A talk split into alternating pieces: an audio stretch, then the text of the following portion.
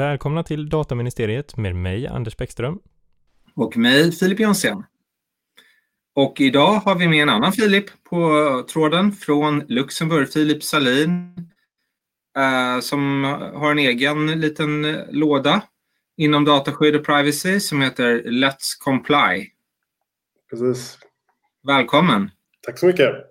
Och som vi nämnde här i snacket inför spela in så bor du mitt emot eller väldigt nära domstolen, EU-domstolen. Det stämmer. Jag bor i Kirchberg. Det, innebär det då att du får domarna snabbare än vi? Tyvärr inte.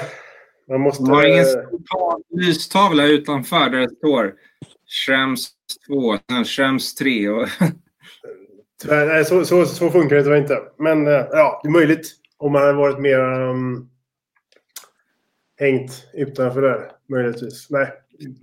Men eh, vi, vi har ju ett specialavsnitt idag då vi kommer ringa till några olika personer runt om i EU, för liksom, ja, inte bara EU förresten, även i USA, för att höra liksom bara allmänt mer. Så här, men hur, hur är stämningen på stan vad gäller dataskydd? Och är det någonting som befolkningen bryr sig om och tänker på? Lite sådär. Lite så. Och har någonting hänt sedan i somras? Har något förändrats? Alltså, jag tror generellt sett så har det hänt en hel del eh, självklart sedan i somras. Eh, särskilt i och med att man har så många internationella företag i Luxemburg. Eh, generellt sett skulle jag nog säga att de flesta företag är väldigt ehm, eh, Eh, aktiva och eh, mer eller mindre i alla fall eh, följer, efter, följer efterlevnaden i Luxemburg.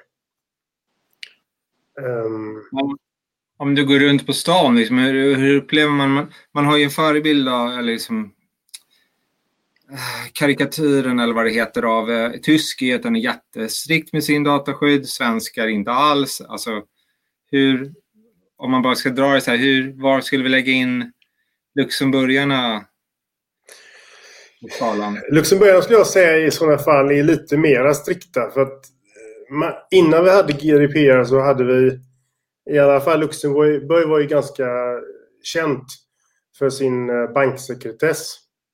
Som självklart inte har någonting med GDPR att göra men som ändå har det tänket att den data du får till dig Ehm, måste du verkligen skydda med ditt liv i princip. så när jag kom till Luxemburg så var det inte så mycket om dataskydd. Men det var mycket om sekretessrätt. Så att jag tror på ett sätt att det finns i, eh, i blodet på något sätt. Att skydda data är väldigt viktigt. För att blotta min okunskap, hur många bor i Luxemburg? Uh, jag tror att det är ungefär 600 000. Som Göteborg? Precis, för Göteborg. um, och, och sen så har vi väldigt många som kom pendlandes in från Tyskland, Belgien och Frankrike varje dag. Förutom nu då när det är covid-19. Men du är från västkusten tycker jag mig höra. Jag är från Göteborg. Annars då? Liksom är det, är det, man har ju hört mycket att, eh, i och med att du är konsult också, så att det är bra drag liksom i datasvärlden, i branschen. Alltså nu har jag ju startat mitt konsultbolag i år. Eh, men det är som överallt lite lugnare just nu men det, det, är bra. Det är mycket frågor självklart på, på de här bitarna. Men eh, mm, som jag ser det så har många företag policies och procedures på plats i och med att man har haft det här tänket att skydda data. Det är väldigt viktigt. Vi har en, en myndighet som har fått ett rejält uppsving eh, både alltså, i år, eller från GDPR-tiden 2018. Så eh, också som jobbar väldigt aktivt med att förmedla budskapet och få ut hur man vänder sig om man har problem. Så eh, vi har en väldigt aktiv för, aktiv för Luxemburg. Det kan man att, att luxemburgska företag hade ett litet försteg där framför, eh, inte alla, men en, en, stor del andra företag som inte hade jobbat så mycket regulatoriskt tidigare. Att, det, att de redan var vana att jobba med lagstiftning, implementera processer för att ha regelefterlevnad. Och nu alltså, bara... compliance i Luxemburg har ju um, självklart funnits länge. Bra. Som jag har förstått det nu om EF med andra olika länder så. Um, men det är olika sorters regelefterlevnad självklart. Um, man tar ju, man tar ju allvar. Mycket, mycket fokus ligger självklart på finansiella sektorn. Därför måste man också ha väldigt strikta regler för att följa efterlevnaden. Jag tycker att vi har en bra... Allting, allting, det finns alltid några saker att man kan förbättra men det, det är väldigt bra arrangerat och det är lätt att komma åt och, och diskutera med olika personer eh, på olika myndigheter i Luxemburg. Det är lite ganska hög mognadsgrad eller vad man nu skulle kunna kalla det. Ja, jag kan tänka mig att de flesta, ja, det är inte bara i Luxemburg, men de flesta vill ju att man ska göra affärer och eh, därför hjälper man, hjälper man åt. Man agerar ganska fort och man diskuterar hur, hur företag kan komma vidare så, så, mest, så effektivt som möjligt. Men då tycker jag det låter som att man har kommit ganska långt ändå. Alltså att man ser det som inte bara en fråga om regelefterlevnad eh, så eller dataskydd eller vad man vill kalla det, vilket rättsområde det än är som man ska efterleva, utan att man ser liksom affären i det på ett annat sätt. Ja, men om man backar igen till sekretessrätten då som är eh, inte samma sak, men som ändå är viktig för affären. Och då har man, då har man också det tänket att skydda kunden skydda, eh, ja, skydda kunden självklart. Det är ju det som är viktigt. Och då har, då, så, så när det har varit tidigare anställd så har man tidigt startat processer inom företaget för att se till att det blir så... Eh, sitter och tänker på engelska här. Så, så enkelt, så smidigt överträde som möjligt. Men just nu självklart, i och med att Chems 2 kommer till eh, på kartan så är det klart det är lite svårare för många företag som måste förmedla utanför gränserna. I och med att Luxemburg är så väldigt litet och har sån extrem internationell eh, fokus. Så det är ju ett intressant område som kommer att bli mer och mer intressant. Mm. Men med tanke på hela den bakgrunden, um, att utmaningarna som blir efter Schrems 2 just blir ännu större i Luxemburg. Att man har en kombination av det gamla, att man är väldigt medveten om dataskydd, privacy och integritetsfrågorna. Och sen säger man dessutom att eh, ja, hela Schrems 2-debatten, att man inte får föra över till vissa, att om man, är, om man inte har någon intern, om man har någon tanke till Sverige diskuterar man ju så statliga mål och allt möjligt och inom EU också. Um, det är ingenting som du har hört? Det är ingenting som jag kan eh, kommentera på faktiskt. Oj, det där var något här. Aha. Om man inte kommenterar, då finns det något här. ja, eller hur? Så är det alltid. Inga kommentarer, då vet man okej, okay, det var sånt. Ingen kommentar på den. Uh, nej, men det, det, jag vet att jag har kunder också nu. Uh, uh, jag vet att vi samarbetar, försöker få igång samarbetet så bra som möjligt. Och självklart man, man letar, diskuterar med andra eh, regeringar för att komma fram till en, en lösning. Men i nuvarande fall, det här är ett område som är väldigt svårt. Tycker jag själv. Ja, alltså det tror jag vi, äh, jag du på också. Att, det, att det, det har inte blivit lättare med tiden. Nej, definitivt inte. Nej, så eh, det kan vi väl enas om. Men vad tror ni om tiden där? Filip och Filip i och för sig. Uh, nej, men tiden uh, rinner iväg när man har kul och det här skulle bara vara ett snapshot För, för det ser du också om att jag, om du lyssnar på vår podd, så jag pratar ju hela tiden med massa engelska uttryck. Det är, det, det är någonting när man heter Filip, tror jag, att man blandar ihop språken. Precis.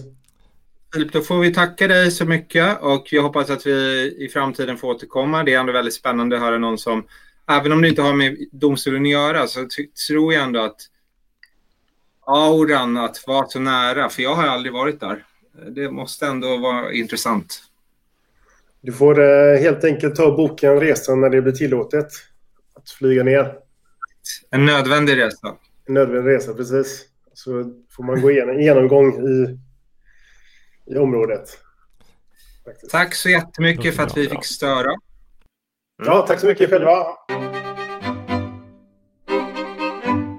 And uh, welcome uh, Xavier Leclerc from France. Southern France, Cannes. We all know about Cannes, the film festival, and so on. A very nice, uh, fairly small town at least. And uh, you are the vice president of EFDPO, the French organization for DPOs. You are also the CEO of a privacy solutions company. Yeah, I, I, am the vice president of the European Federation of DPOs and president of the UDPO, which is the French Association of DPOs, and uh, the CEO of Data Privacy Management System, yeah, uh, uh, dedicated to privacy solutions and stuff.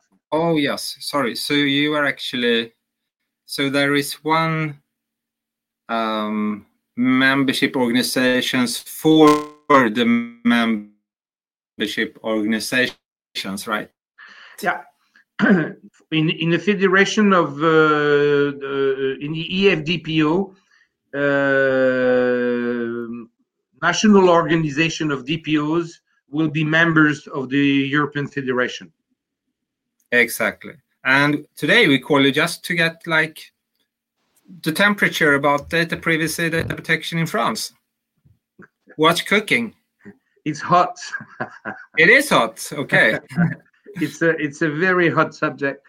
Um, listen, Philippe, um, we, we're doing quite well in France. Uh, I have to say that uh, to start with, um, companies are uh, seem to be more uh, likely to uh, to be compliant with GDPR we have about uh, something like uh, 15,000 DPOs designated in France nowadays, which is quite a good good result.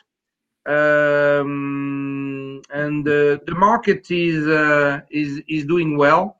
Of course, it it did slow down in 2020 because of the, all all the problems and the the, the COVID, but things are doing quite well, and um, um, and our DPA, uh, Data Protection Authority, CNIL, is uh, slowly but surely um, uh, giving some good fines. But you you have seen the Swedish one is really ramped up. Is it? Yeah, they're on fire. Yeah, for for the last couple of weeks, I think. Yeah. Exactly. And and when um, if you speak to like the ordinary person on the street, um, how are they thinking about protection of their own data, or are they sensitive? Or are they aware of it? Or this is growing as well. Um, privacy, you know, it's a very old uh, regulation in France uh, since 1978, but. Um, the public was not really concerned about all these matters. Uh, nowadays, there are um, a lot of problems occurred on uh, uh, especially Facebook, uh, Google subjects, and things like that.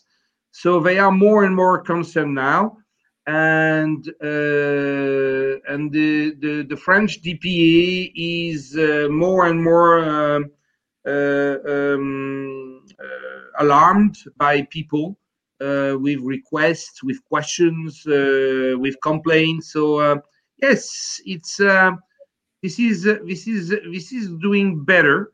I would say, and the GDPR did a great job uh, for privacy to be more of a, uh, I mean, a more um, known subject. Let let put it that way. And, and speaking of the DPA, CNIL, that I a couple of years ago pronounced senile, if you remember. and, uh, that was good, senile. and how is it to cooperate with them if you have like a question or a topic you want to raise? Um, very, very easy. When you are a designated DPO, data protection officer, uh, because they have uh, implemented a very specific uh, service. Uh, so you can contact them by, by by mail, and they will respond quite uh, quite quickly. Um, um, the they are doing so, a lot of webinars as well for uh, open to public, which is quite interesting because they have they have um, they have tried to do their best uh, during that uh, difficult year. Yeah, of course, it's been a challenge for for uh, not only us in the um, private sector. Of course, it's a huge challenge for uh, for everyone in the public sector as well, yeah. and governmental bodies and and so on. So it was a lot of questions, uh, you know, about the, the the COVID tracking system uh, in France. Uh, so the, the, the CNIL was uh, contacted by the government. They said no to start with. It was not correct. They was they were not very happy with the the tracking system, and but uh, now uh, everything seems to be in order. So um, even that crisis, I think, helped, if it can help, but people to be more aware about privacy uh, um, and and about the the the, the, the collect of uh, personal data. So um, yes, uh, you know, there's always something good out of the bad, if I can say it that way. Absolutely. And do you have one of those tracking applications, apps, or? Yeah, we have one in France, uh, which is called Stop COVID or something like that.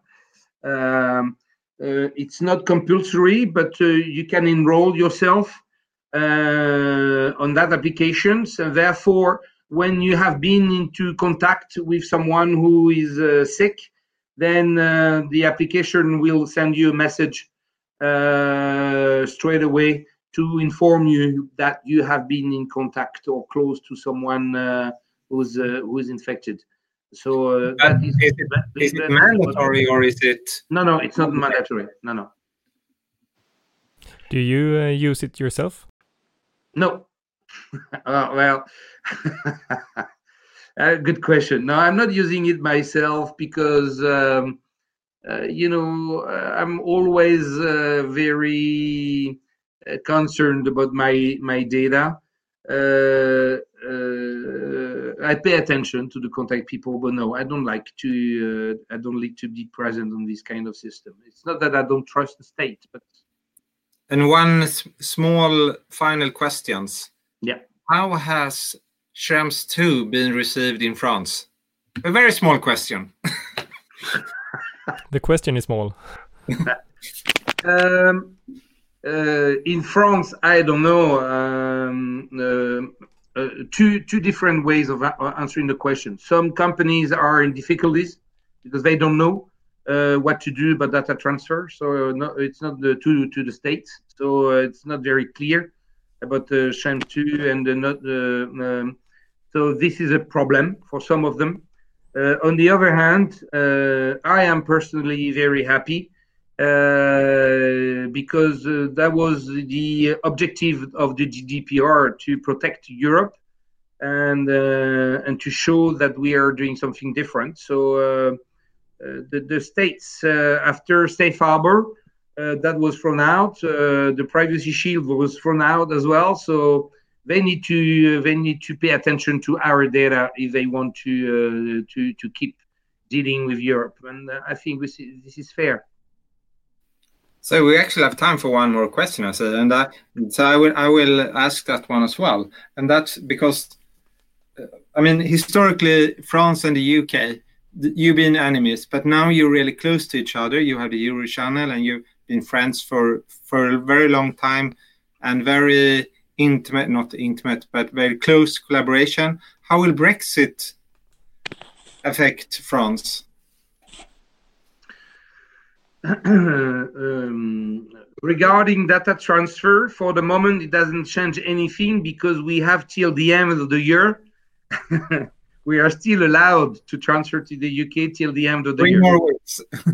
so, three more weeks. Uh, after this, um, complete blank, I would say, because there again, uh, nothing is in place, is into place. Uh, I don't know if Europe will recognize UK uh, as uh, a compliant country like Argentina or Israel or some others, but let's hope so. So for the moment, it hasn't changed anything. Uh, but uh, again, if um, if Europe doesn't move, uh, that will be big, big, big trouble for data transfer to to UK because, as you said, but not only France. Uh, I think uh, Scandinavia in, in global, Sweden or Norway or uh, Denmark are working quite a lot with UK as well. So I, I, think that will be a very, very difficult problem, even more than with the States. Yeah. Okay. A huge thank you. Thank you very much. So we are continue to take the pulse and feel the temperature in different countries. And currently, we have Tim Clements on the call from Denmark. Welcome. Thanks, Philip. Hello, everybody. Welcome, Tim. And uh, yeah, tell us who you are, like yeah, in so two sentences. I'm, I'm, I'm, yeah, Tim Clements. I work independently, uh, consulting with, uh, I'd say, fairly large uh, global clients predominantly based in Denmark, but with, uh, with the COVID 19, it's opened up the market globally. Um, I also work as an IAPP trainer, uh, as a faculty member, so delivering their training on their behalf. Um, but I'm also uh, an approved training partner, so I can also deliver my own training um, directly. And obviously, again, during COVID 19 times, that's predominantly virtually. Uh, although I have managed a couple of uh, physical sessions this year, uh, we've fitted them in uh, in the kind of in between parts of uh, when you know one lockdown finished and another one started. I was able to fit a couple of physical trainings in there as well. So, uh, but yeah, so I generally work um, mostly consulting, but also I fit in around twenty five percent of my time with with training. And then uh, um, while we chit chatted before we started recording, I said like, I know that you get brilliant reviews, so I can highly recommend anyone to take uh, one of Tim's classes if you're into SIP E, CIPM, SIP anything you that you. Very kind of you. I don't know which one are you taking. I know it's EU and it's SIP M, but is it? No, they've also. I mean, they revised their their um, the CIPT, the CIPT package, that was revised last year or earlier this year, actually. Uh, and it's it's actually an incredible course. It really is. Uh, um, really gets under you know into some very good topics: privilege engineering, uh, threat um, modeling, um, modeling uh, violations. Um, it's really you know, and also gets a little bit of behavioural science in there as well. Really, really, really like the course. That sounds. I mean, that's not at all the, because I took it like some weeks after they published it, and it sounds very much uh, improved. Oh, absolutely. Yeah, I think it's uh, there was some kind of concerns over the the old material, the old format, but it's really been updated. New textbook, new materials, uh, really brought uh, up to date. If that's you know if that's ever possible to have a course totally up to date, reflecting uh, things, you know. Oh, yeah. I should emphasize that we don't get any upside from IAPP. We're, as, as always, completely independent.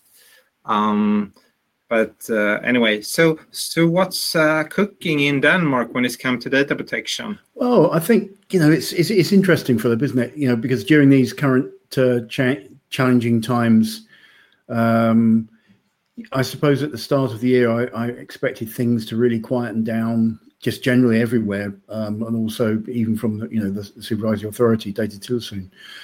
Uh, and it kind of reminded me a little bit about uh, you know at nine when 9-11 occurred. Um, I, I, remember the day after thinking, well, is it all going to be worth it? You know, is it worth going to job? Why are we having meetings? And you know, when when something catastrophic has happened, and I suppose I I had a similar sense of that of the same thing with with COVID nineteen. But obviously, what's what's happened is there's been a lot of activity. Despite that, um, there's been obviously lots of concerns just just in in in most other countries around the use of uh, contact uh, tracing apps, um, not just from the kind of government sponsored ones, but also registration of um, of people at bars, restaurants, and, and, those kind of things. And you know, the, the supervisory authority, I think, has been quite active in giving uh, given some guidance and, and templates that uh, that some of these smaller businesses um, can use to to you know allay some of the concerns. But um, but I you know just leading up to this call, I was also just taking a quick look at. Um, what Datatilsyn, the supervisor authority here, what they've been kind of looking at um, throughout the year, and and obviously they've been run, running um, quite an active uh, program um, which they published obviously last year, and they've seen seen it through a number of different investigations, some interesting um, findings, some I you know some that kind of make you raise your eyebrows slightly.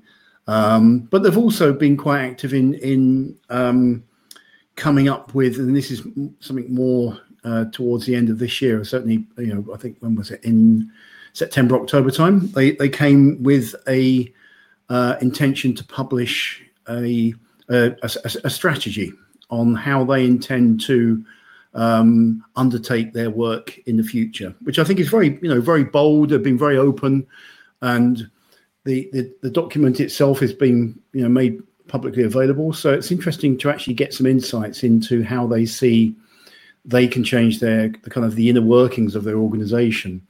Um, and I'm just going to refer to a few notes that I made just re- reading through the document. Um, unfortunately, it's only available in Danish. Um, so I've, done, I've tried to do a quick translation of, of some key points. The document itself is called Tilsyn Mill effect.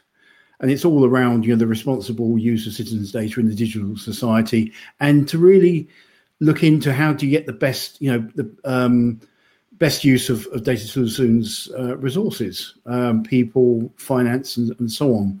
And what they've what they've done, they've put up some interesting goals. I think for the for the coming, um, you know, two to three years.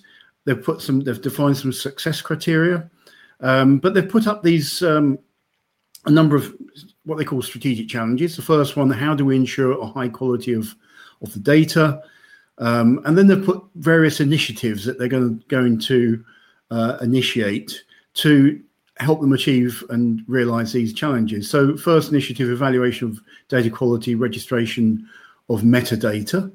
Um, so they reckon they've set a goal there out that our data has such a quality and is so accessible to the supervisory authority that they can form the basis of a fair opinion, send risk assessments, and so on.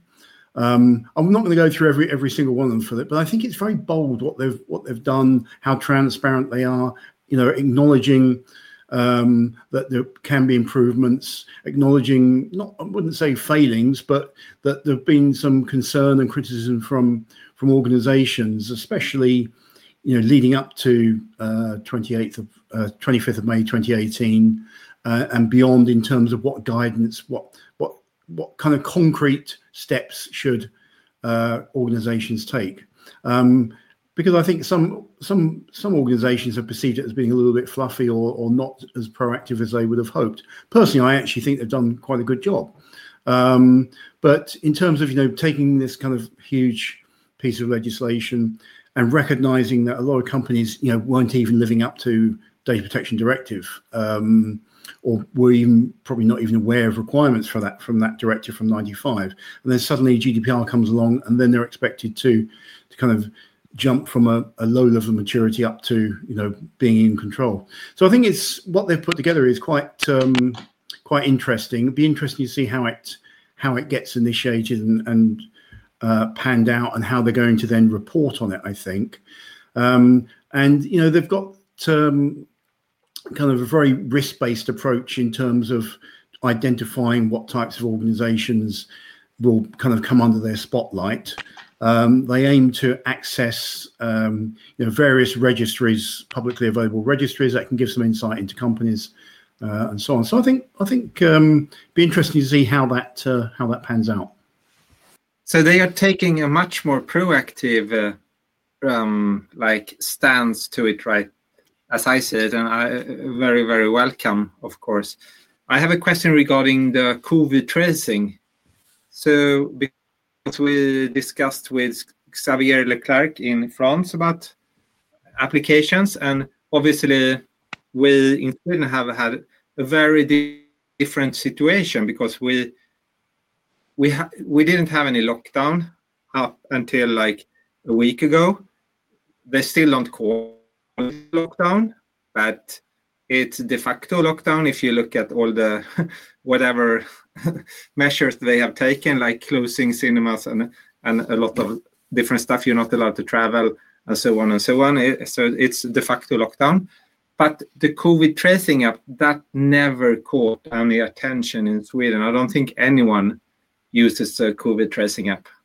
Yeah, I mean, you don't you need to have a, a change in legislation or something? I remember reading some that that in, you know it's embedded in your kind of um... yeah, but voluntary. Yeah. Uh, no one. I mean, we, we do have some applications, but no one uses them. And and I've been I've been very open with with my skepticism. I don't see any point in having a COVID tracing app. I don't understand the purpose, and uh, I don't see that many upsides counter to the downsides. Uh, but how is it Denmark?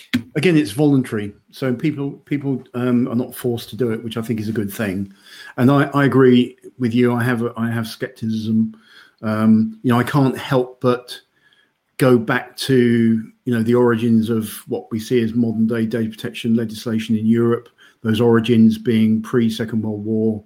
Um, you know, in Nazi Germany, widespread data collection. I'm not trying to compare the current situation with the situation in the 1930s, but you know there was widespread census done of the population for the purpose of carrying out a census, and then obviously we know subsequently how that data was then uh, reused for other purposes. So I'm not saying I'm not. It's not about trusting governments and so on, but it's just a question of once that data um, is collected, um, then we have all those good questions that we would normally ask around you know living up to the principles and living living from a from a security perspective and access and um, all those good reasons. And of course, I think we've seen in other countries um, reports of you know faults and errors in the application, bugs, um, also registration at bars and restaurants. We've seen cases, and this isn't in Denmark. I've, just what I've read about the UK because uh, as you know I'm British, so I have a, I have a um, an interest there, and you know the the concerns how some businesses have then sold that data on um, for, for for other purposes. So I agree I agree with your skepticism, um, and I don't really also see how it effectively um, can work. Um, they also have a problem in the UK with owners of bars actually contacting females based on those yeah lists. Yeah, those classic uh, scenarios of you know just like the, the, the, I mean, there's so, so many stories of um, you know, and typically it's, it is that man contacting woman uh, situation, whether it's a mechanic in a garage who's contacting a woman whose car's just been serviced. But now, yes, you're, you're seeing the same thing uh, in bar in bars and restaurants.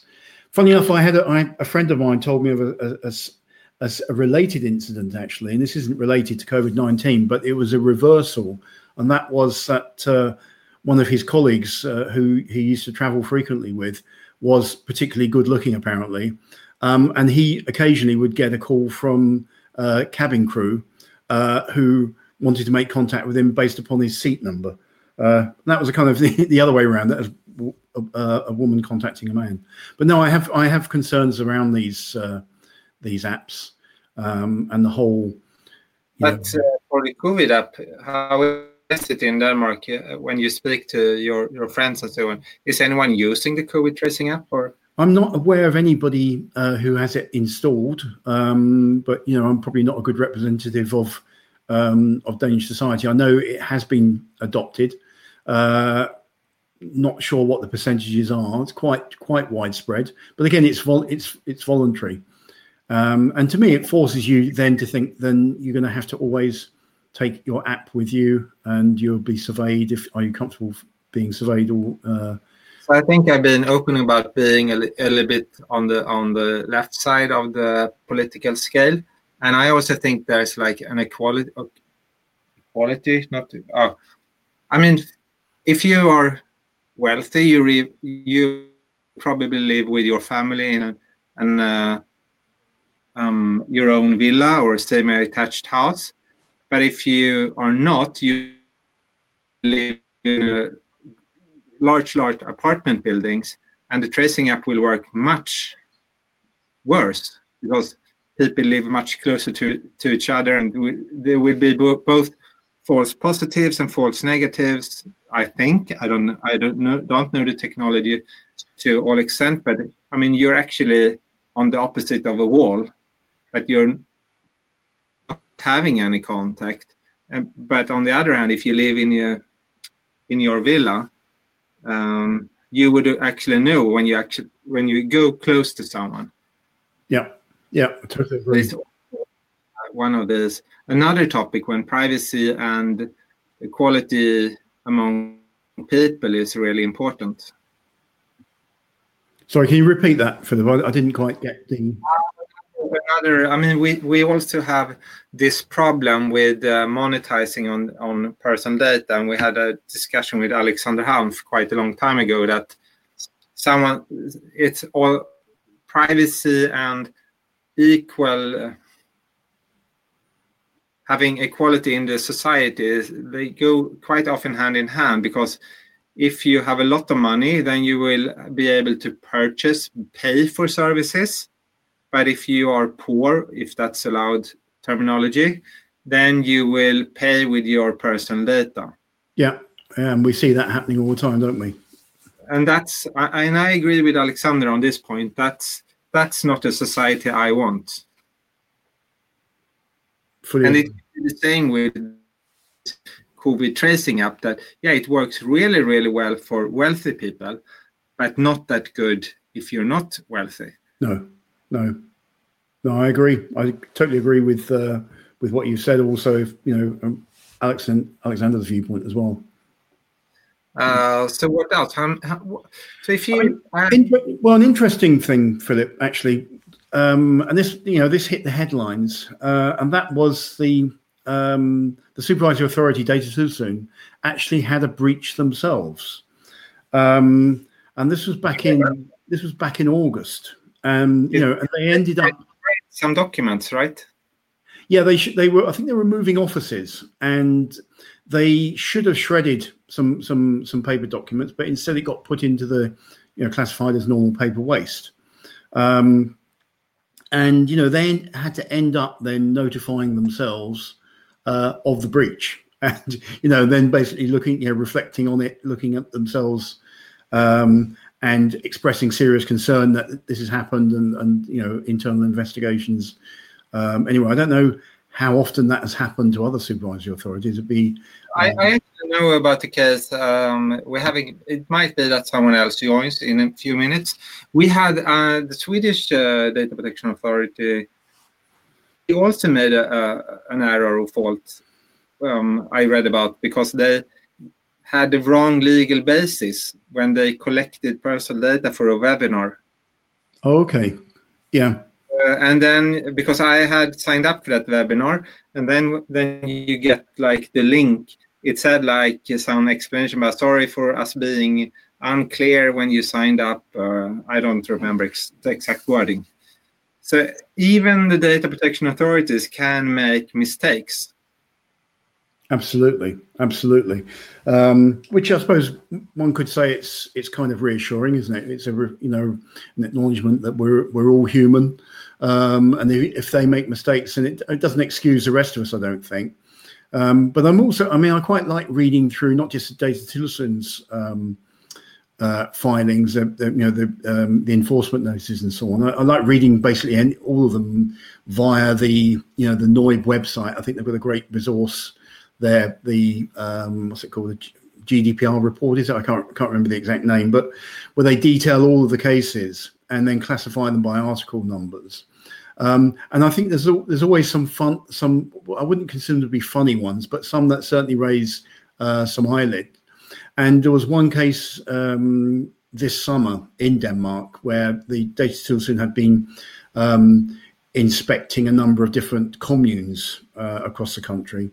And I'm not going to name the commune in case you know you know it gets uh, it sounds like I'm I'm criticizing it, but um, in there when they were inspecting their uh, art, you know the Article 30 the uh, the records processing activity, they had discovered um, that when they were classifying, you know, who uh, the the different parties control the process and so on, they'd actually appoint, they'd actually identified internal employees in the organization as data controllers. Um, so again, it takes a lot to get organizations ready. Just some what we might consider to be fundamental concepts.